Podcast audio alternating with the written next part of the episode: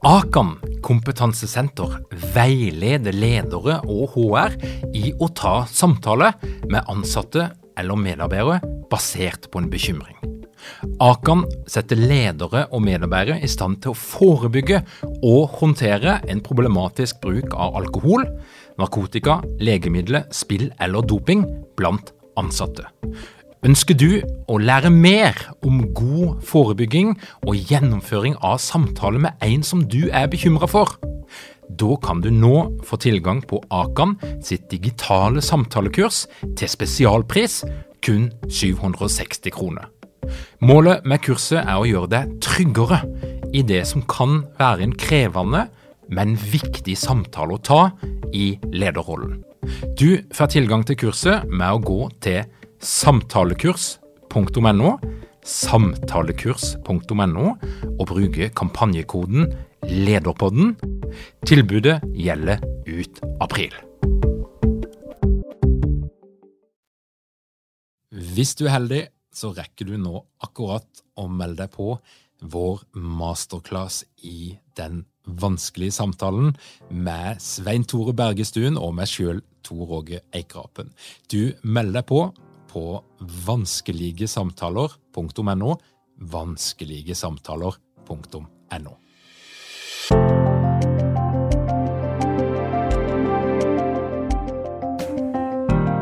Velkommen til Lederpodden. Mitt navn er Tor Åge Eikerapen. Jeg jobber som organisasjonspsykolog og foredragsholder, og dette her er en podkast om ledelse. Visste du at hvert år så kaster vi 13 millioner egg. Ikke bare det, vi kaster tonnevis av mat. Og hvis det er noe som er viktig i den tida vi er inne i nå, så er det mennesker som klarer å skape forretning, skalerbar business, ut av bærekraft. Noen av oss kjenner bare på den dårlige samvittigheten hver gang vi fyller opp her, eh, det brune søppelspannet med mer mat, mens andre de gjør noe med det. Og derfor så er jeg veldig glad for å ha med meg en sånn person i dag. Og det er du, Ann Kristin Raknes Frynder. Velkommen til Lederpodden. Tusen takk for det. Veldig hyggelig å være her. Du er en del av noe som kan se ut som en idealistisk bevegelse, men som faktisk er et kommersielt selskap på full fart ikke bare i Norge, men i hele Europa. Og det er altså noe som er på vei til å, å, å vokse og, å spre seg. Og du er altså sjefen i Norge for Too Good To Go. Mm -hmm. Kan ikke du gi oss en kortversjon av historien? Hva er det som gjør at dere klarer å tjene penger på den maten som noen egentlig hadde tenkt å kaste? Det er et veldig godt, uh, godt spørsmål. Og det er jo så mye mat som kastes. En tredjedel av mat som produserer, kastes. Det står for 8% av hele verdens utslipp. Det er et kjempemiljøproblem. Og det begynte med at en gjeng venner i København eh, satt på en bufférestaurant og så at det ble veldig mye mat til overs. Eh, og, og, lagde pro, den første prototypen, rett og slett. På hvordan de tenkte at det må jo noen kunne Det som er eh, noens avfall, det er, kan være noens eh, glede. Uh, og lagde den første versjonen av To Good To Go. Um, og de fikk Ryktet sier at den første versjonen var Det var ikke så veldig sexy, tror jeg, men de fikk ganske mye oppmerksomhet. Uh, fordi den virkelig satte fingeren på en enkel løsning til dette veldig store problemet. Mm. og så um, Så de bodde, bodde, sammen i en sånn Jeg har sett bilder av den leiligheten eh, ganske slitsom. Der bodde de sammen, og der jobba de sammen. Og der eh, eh, Og så gikk det, fikk det Men det vokste raskt. Så vokste raskt i Danmark. Og, og så en av de som var med å etablere det, Sofie, eh, hun er norsk. Og så plutselig så fikk de et innslag på NRK, og da, da sier historien at hun satte seg på, på nattbussen fra København eh, og startet opp til Good to Go Norge. Uh, så det er jo klart at siden den gang, uh, det var i 2015, startet opp i Norge i 2016, og siden den gang så har det egentlig bare gått på jump up. Så nå gikk vi akkurat inn i USA som land nummer 15. Uh, eh, vi har reddet, sammen med partnerne våre og brukerne våre, 68 millioner måltider med mat. Eh, vi har 35 millioner registrerte brukere og 80 000 partnere blant Europas største mataktører, som er med oss i kampen mot matsvinn. Dette her er heftige tall. Uh, og det er jo veldig gøy, for det viser jo at det, det, det funker. Mm. Uh, og det er business, uh, og det er samtidig så gjør det ikke noe godt for verden. Men kan du fortelle litt, hva er, hva er det som gjør at det funker for, for dette, det, til de Lederpoddens lyttere som ikke har testa ut denne appen mm. og ikke vet hva det er helt for noe? Ja. Kan, kan, ikke du forklare veldig enkelt, hva er egentlig Too Good To Go? Too Good To Go er egentlig så er vi et selskap som driver en bevegelse mot matsvinn. Eh, men vi er mest kjent for å drive eh, verdens største markedsplass, en app, eh, for overskuddsmat. Og om du laster ned den appen, så kan du enkelt gå inn og se i området rundt deg. Alt fra en dagligvareaktør dagligvare, eller en kafé eller et bakeri eller en restaurant som har mat til overs på slutten av dagen, som de da kan legge ut på den plattformen, som du kan betale for å hente. Ops, ferdig. Eh, så det er vår modell.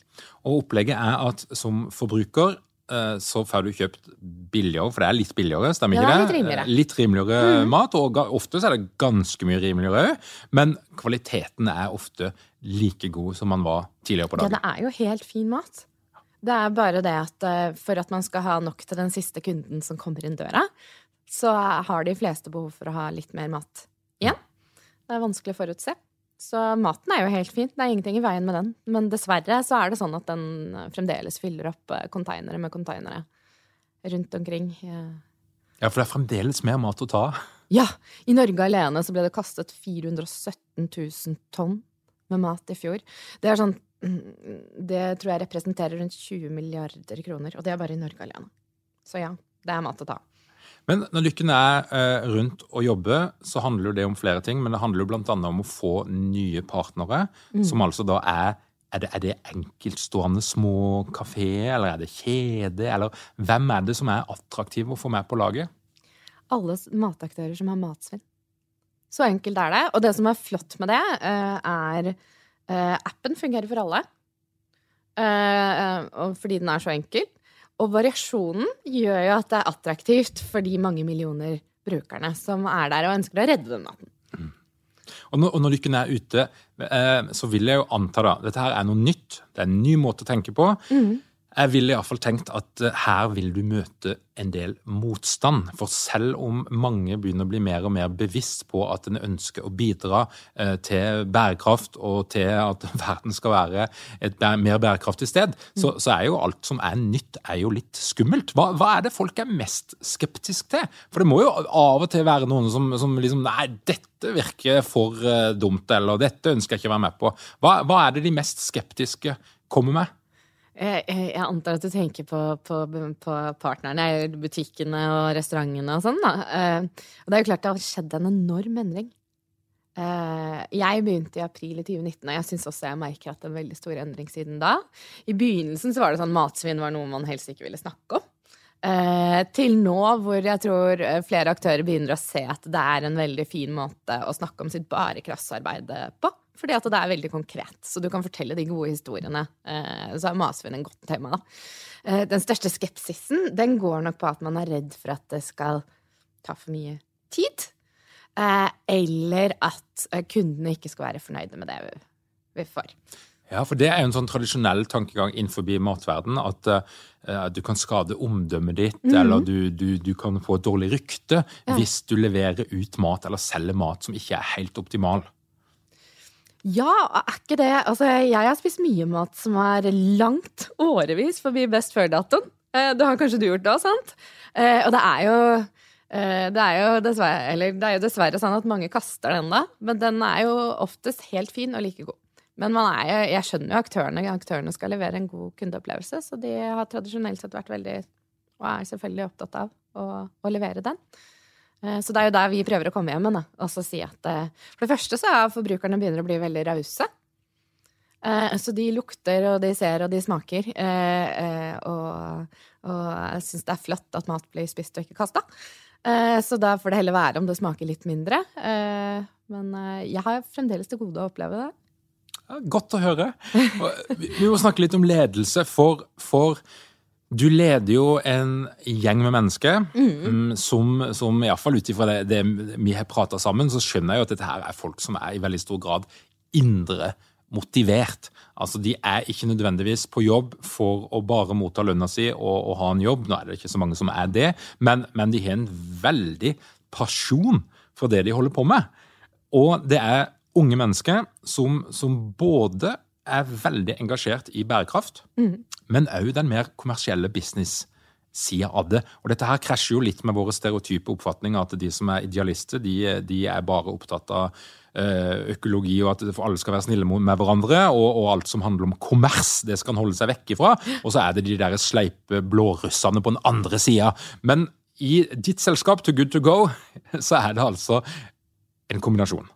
Fortell litt om denne gjengen som jobber hos deg. Ja, og det er jo, ikke sant, eh, nå i, i Norge er vi noen og 30. Eh, internasjonalt så har vi vokst til eh, over 900 ansatte på Når jeg begynte, var vi 70. Eh, eh, og jeg vil si at det er like stor variasjon hos oss eh, som det det er mange andre steder. Det er mye flinke folk folk som er ordentlig gode innenfor sitt fag. Det være seg salg eller markedsføring eller forretningsutvikling. Eh, men det som alle har til felles, det er nok det du setter fingeren på deg litt. At um, eh, alle har en veldig eierskap til den visjonen vår, da. Som handler om å bidra til å kutte matsvinn i verden og i de markedene vi opererer. Eh, og et sånt brennende engasjement og indre motivasjon for det. Eh, og det gjør det jo eh, til eh, et annet, litt annerledes sted å være leder enn det i hvert fall jeg har hatt tidligere. Selv om folk har for all del vært motiverte og engasjerte der også, så, så, så gjør det noe, det gjør noe med folk, da. og det er jo en, en glede, og også til tider krevende, å lede i en sånn kontekst. Ja, hva er det som er det mest utfordrende med å lede en gjeng med indre motiverte medarbeidere som er fulle av engasjement, og som virkelig brenner for saken? Det er nok um, å klare Det er et veldig godt spørsmål. Det mest utfordrende er at de, de forventer at det verdisettet går igjen i alt vi gjør. Og det skal du gjøre. Så det er jo helt riktig, og det er egentlig veldig flott å ha eh, Og de forventer en transparens rundt det. Så en del prosesser, da, som f.eks. organisasjonsendringer og sånne ting, som i hvert fall jeg er vant til i større selskaper, at det, det er eh, noe man ikke er så transparent om, det forventes det en viss transparens rundt. Um, og så forventes det også uh, uh, en, en, tydelighet uh, rundt hva er mitt bidrag til den store visjonen. Eh, og det jobber vi ganske aktivt med. At eh, om du jobber med å rekruttere butikker, eller om du svarer brukerne ikke sant? Så vi får jo masse brukerhenvendelser. Vi er jo et selskapsand. Eh, så må de også klare å se sin rolle i det store. og så er det klart at det, etter hvert som man vokser som selskap, så trenger man jo også Menneskene vokser, unge idealister vokser jo med selskapet. Eh, og det er jo fantastisk å kunne få være leder og jobbe med å videreutvikle de faglig. Eh, men det, det er jo også eh, Selvfølgelig, det, det, krever jo også tid og, og krefter å gjøre det. Og Den tradisjonelle historien er jo ofte når, når et selskap vokser, så øker òg behovet for struktur. Mm. Og, og, når jeg nå jobber i selskapet der det f.eks. har vært en gründer, så er jo det ofte en fryktelig smertefull prosess, dette her når gründeren skal gi fra seg ting. Oppgave og måte å gjøre ting på. Ja. Eh, og når det blir mer struktur, og mange frykter jo byråkratisering Når man begynner nettopp å nærme seg det der punktet, kanskje 20-30 medarbeidere, for da er det noen andre behov. Hva er det du har opplevd da, gjennom de her eh, årene som du har vært inne i virksomheten, og, og der du har vært med på den her veksten, hva er det som på en måte er ja, både det som, som, som du ser funke, mm. og som liksom Ja, det er jeg glad for vi gjorde, mm. men òg det som kanskje ikke funker så bra, eller som noen kan lære noe av. Ja, og, når jeg tok over ansvaret for Norge, da, eh, så tok jeg over en, en fas, fantastisk gjeng som eh, De kalte seg Sommerfuglorganisasjonen. Alle var kjempeengasjerte. Eh, ingen hadde rolle, altså faste roller ansvar. Eh, og alle hadde gjort litt det de hadde lyst til, og så hadde de en sånn fin symbiose hvor de hjalp hverandre, og en helt unik kultur. Eh, så det som jo har vært den største delen av den reisen, er jo vi, vi opererer jo som et eh, Det er å innføre en struktur og prosesser som en, et et vekstselskap for å lykkes som et vekstselskap, for det går gjeskelig raskt. ikke sant? Siden den gang så har vi på en måte mer enn tredoblet topplinjen eh, og teamet. Eh, så, så, da trenger man jo litt struktur og prosesser. Eh, så, og, og det, det, passer jo for noen og ikke for alle. Men jeg er veldig glad for at eh, stort sett de fleste har hatt lyst til å være med på den reisen, og da spesialisert seg mer innenfor de ulike fagområdene som vi har. Um, jeg tror en av de viktigste prinsippene som vi opererer med, som gjennomsyrer egentlig oss fra liksom toppen og helt ned, um, det er nok en veldig sånn desentralisert organisasjonsmodell. Altså mye, fri, mye frihet under ansvar, da. Uh, så, så, jeg opplever at jeg har det. Så et land styres i veldig stor grad på mål. At vi forplikter oss. Vi lager en plan hva vi tror. Uh, litt sånn OKR-basert. Vi lager en plan på hva vi tror fremover. Eh, og så, så, forteller vi hva vi trenger av ressurser og folk og sånn for å realisere det. Og så er det litt vårt ansvar og, vår må, og, og, og, også vår jobb å finne ut av hvordan vi skal lykkes med det. Og det er litt det prinsippet som jeg også har innført ute i organisasjonen hos oss. Så vi har team som jobber på litt samme måte. Så vi har noen og det er jo ganske tradisjonelt, ikke sant? At vi har et uh, Vi etablerte et salgsteam som er ansvarlig for å operere de uh, selvstendige eller de enkeltstående butikkene. Vi har et key account-team som jobber med de, ja, i samarbeid med de ordentlig store aktørene. Vi jobber med markedsføring, og det er en viktig del. Og, og, med suksess. Og det er jo at disse teamene opererer litt på den samme måten. Og det vi har innført nå for å klare å være mer agile etter hvert som vi vokser, er at vi innfører det vi kaller sånn eh, Man kaller det jo sånn tverrfaglig tiger teams, eller hva det er for noe, da. Som jobber på, på tvers og veldig fritt, da. For en, en, begrenset periode. For eksempel nå så har vi noen som skal vinne og gjøre det til en vane å redde mat i hele bakerisegmentet. Da har de, da, da har de mye fri. Er du ikke mange ledere uten trening eller utdannelse innen ledelse? Mangler dere en felles kultur og praksis for ledelse? Ønsker dere å være bedre rustet for fremtidig vekst og endring? Da kan et internt lederutviklingsprogram være en god investering. I Execu så er vi eksperter på å designe og gjennomføre bedriftsinterne lederutviklingsprogram. Hvis du ønsker å lære mer om hvordan vi kan hjelpe dykken til å få enda bedre ledere, ta og klikk deg inn på execu.no.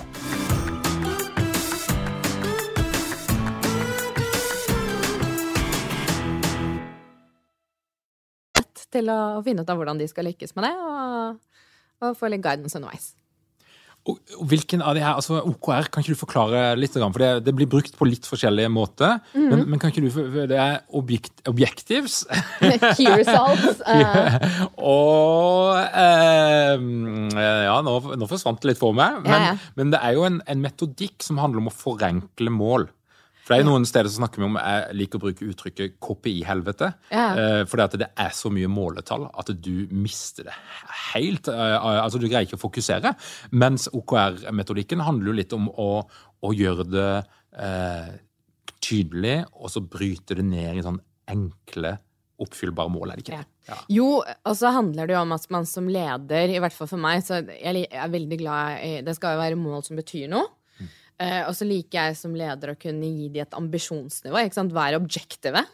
Hva er det vi ønsker å oppnå her? Det var det jeg sa til den bakerigjengen. Jeg sa at vi skal være 80% Vi skal ha med 80 market share.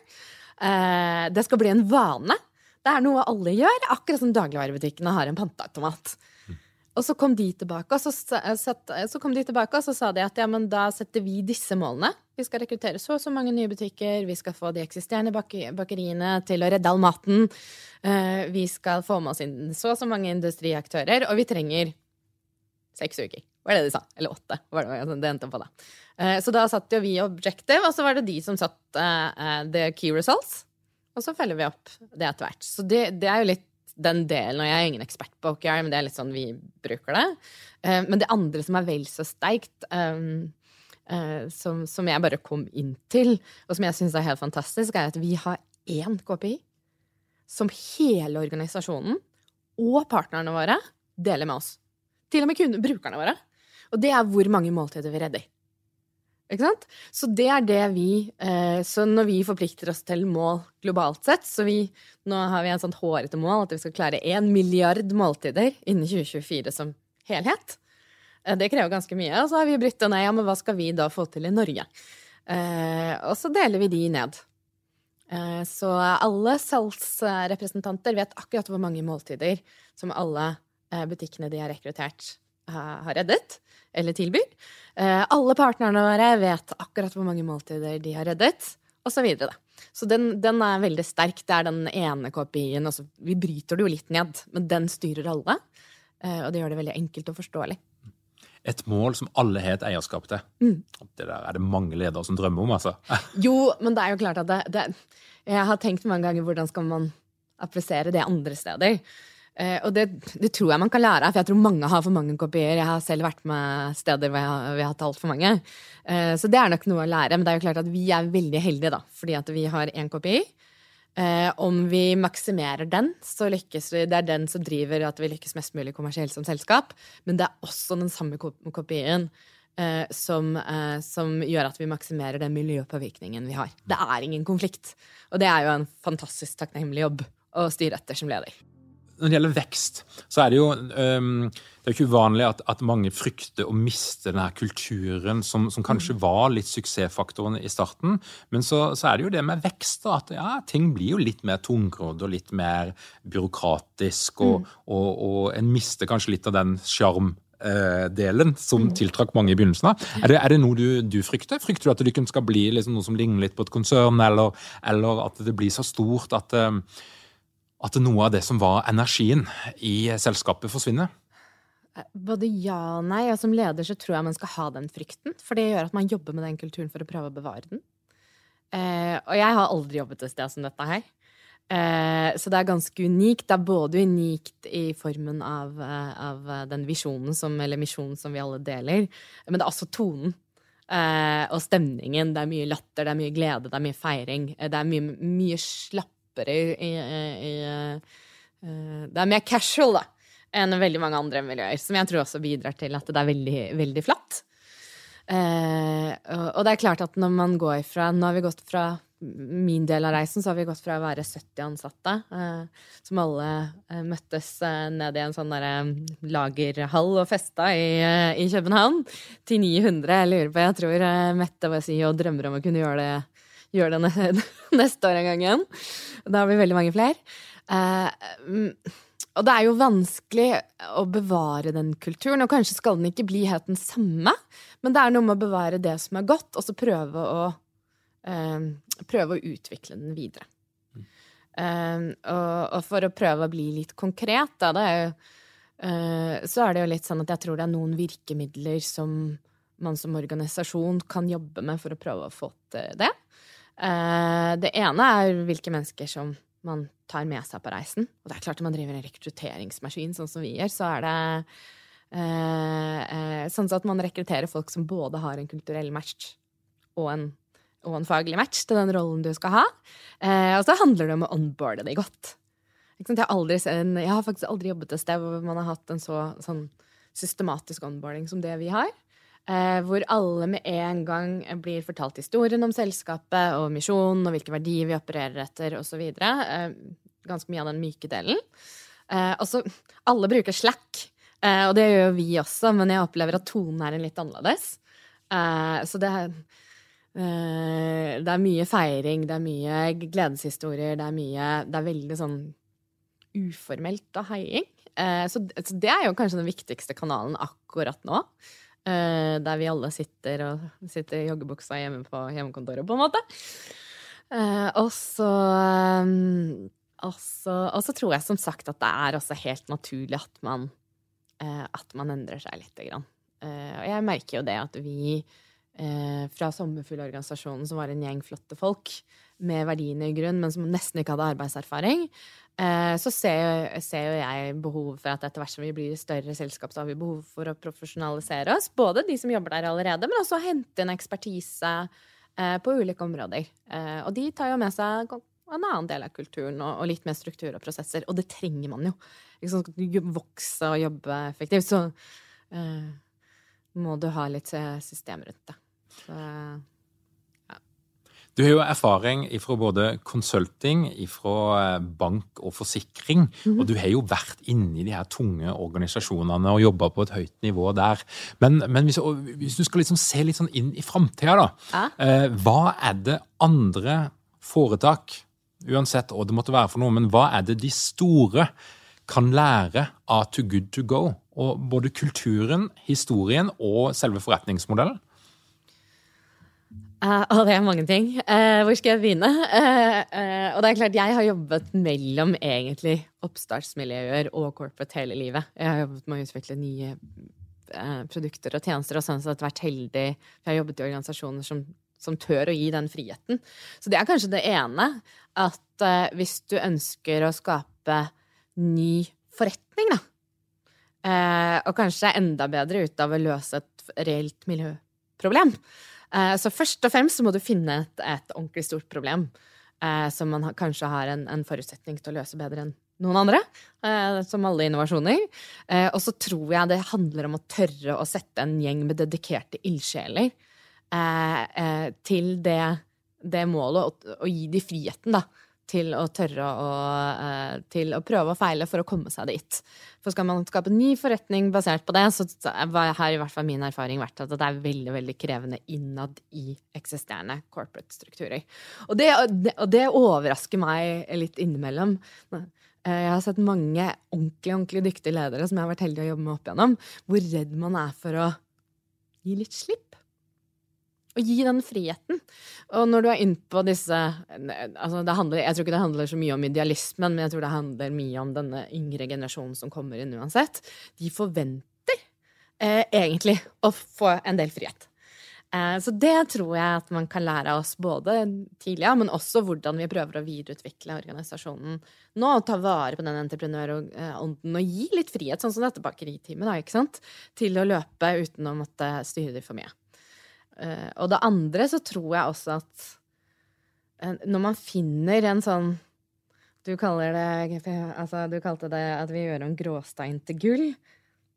Og det er jo, det er jo en kombinasjon av som sagt, å være, finne et ordentlig stort problem som trenger å løses, og klare å eksperimentere seg til en løsning som løser det på en enkel måte som man kan skalere. Og, og er man så heldig å finne den der, så handler det også om å sette i gang en, Eh, en verktøykasse fra, fra, fra skaleringsselskapene, egentlig, eh, om hvordan man skalerer så fort som mulig. Fokus er det viktigste. ikke sant? Det har vært veldig fristende opp igjennom også når jeg begynte. altså Det er så mange muligheter. Men vi er veldig tro eh, enn så lenge til at vi er nødventilen. Vi begynner ikke å lage en webshop eller koble på noe annet. Vi gjør akkurat det og er ordentlig gode på det, og så skalerer vi det. Og det er ofte der man kanskje kan gå seg litt det blir veldig fristende å koble på for mye. Så det å gjøre det veldig enkelt og prøve å skalere det, det er, da lykkes man jo både som selskap eh, og kommersielt. Eh, men det er jo ofte det volumet også som skal til for å liksom ha en ordentlig effekt eh, på, på, miljø eller samfunn. Da. Hvis man først har satt, satt seg i hodet at man skal løse et samfunns- eller miljøproblem. Så egentlig det å balansere fokus og et strengt fokus, mm. og den her autonomien og friheten. For en kan jo tenke seg at hvis en slapp veldig løs, så ville det dukke opp mange ideer og prosjekter og sidegreier ja. som folk ville få lov til å dyrke. Sånn at det er autonomi, men det er innenfor en viss ramme. Nettopp. Og det er jo litt der disse OKR-ene kommer inn igjen nå. ikke sant? At hvis du som leder gir et tydelig objektiv, at du, du skal løse dette, eh, dere skal oppnå dette, de får satt sine mål, så gir du dem de rammene. Uten de rammene så kan det fort gå. Um, og så er, handler det jo også om å ha de rette folkene i disse teamene. Det er jo det. Uh, uh, det, det, er liksom, det er nøkkel uansett hva jeg har jobbet med, i hvert fall. Å få det rette teamet på plass først og fremst. Uh, som er komplementære, og som har en kjemi, ikke minst, til å løpe litt sammen. Ann-Kristin, eh, det sitter jo en del eh, lyttere som, som, er ledere, som har mulighet til å gjøre en forandring. Som har mulighet til å bidra faktisk litt mer enn mm. det folk flest er. Mm. Eh, de hører på akkurat nå. Og mange av de begynner å kjenne at det begynner å gnage litt. De begynner å få en litt sånn følelse at altså, vi må jo gjøre et eller annet her. Eh, de sitter med kanskje en tradisjonell virksomhet der de alltid har pleid å gjøre ting på denne måten, og så ser de at de må ta et større grep, de må bidra på, på en bedre måte, og det er jo kanskje en, en, det handler jo kanskje for noen om overlevelse, mm. til å bli mer bærekraftige. Mm. Eh, bidra mer i den sirkulære økonomien, som det kalles så fint. Hvis du skulle gitt noen av de lederne et lite tips, mm en liten sånn konkret ting som de kan sette i gang og eksperimentere med, hva skulle det ha vært? Altså, for det første så kan jeg ikke dy meg å si at det, det, det er på en måte Det er litt hastverk. Ikke sant? Eh, vi skal nå dette togradersmålet. Vi må kutte enormt i utslippene. Eh, og hele verden og forbrukerne beveger seg i den retningen. Og hvis man ikke har litt den sense of urgency, eh, så tror jeg at man, man kan, kan, kan eh, henge, henge, litt akterut, da, fort. Eh, for jeg opplever at mange ledere er veldig opptatt av, dette her, som jeg har sagt med også, eh, noe jeg syns er kjempebra. Eh, og så hvis jeg skal gi de et litt sånn tips Det er jo fristende. Eh, jeg syns det er veldig spennende å jobbe med de store aktørene, for det er der det virkelig monner. Når de tør å være ambisiøse og ta litt risiko, da kanskje litt mer enn det bransjen gjør også, eh, så kan det, kan det være et, et konkurransefortrinn. Ikke sant, også? For det, det, begynner å bli ganske attraktivt for forbrukerne. Eh, så, så, så, tør å ta litt risiko. Eh, og, og, og, være litt ambisiøse, fordi at de spiller en enormt viktig rolle i å kunne påvirke verden i riktig retning. Det var det ene. Og jeg har én ting til nå. Så vil jeg bare si at det fins enormt mange forretningsmuligheter der ute. Der det er miljøproblemer. og Hvis du begynner å se på FNs bærekraftsmål, og stykker opp, og mange gjør det allerede, eh, og stykker opp og ser hvor er det disse her treffer bedriften din. Så én ting er å reaktivt liksom finne ut av hvor er det vi har en påvirkning, og, uh, og må, må, eliminere egentlig effekten av den driften vi har. Man må gjøre det også. Men det finnes så mange spennende forretningsmuligheter. Uh, så jeg vil jo si ta en titt på egen virksomhet og egen bransje og se hvor de er og gi en gjeng med engasjerte unge folk med gründersjel litt frihet til å prøve å gripe noe av de. Så tror jeg, jeg tror man kan se at de også kan gjøre om eh, gråstein til gull. Tusen hjertelig takk, og takk for at du kom til Lederpodden. Til duken, som, til duken som hører på podden, hvis dere ønsker å få med dere alt det vi holder på med, eh, nyhetsbrevet vårt som kommer hver fredag, det er streaming av innspillinger, det er det ene og det andre, så er det bare å gå inn på lederpodden.no. Og hvis du liker det du hører her, og har lyst til at flere skal få høre om Lederpodden, så er det òg superfint om du gir oss en liten rating eller stjerne eller kommentar, eller hva det skal være. Og helt til slutt, nå begynner det å nærme seg vår masterclass i den vanskelige samtalen. Det er noen ledige billetter igjen, og du kan gå inn på vanskeligesamtaler.no hvis du ønsker å lære mer og bli flink på å gjennomføre profesjonelle samtaler og forstå litt om hva er det som er ok på norsk arbeidsplass i dag. Takk for at du hører på Lederpodden.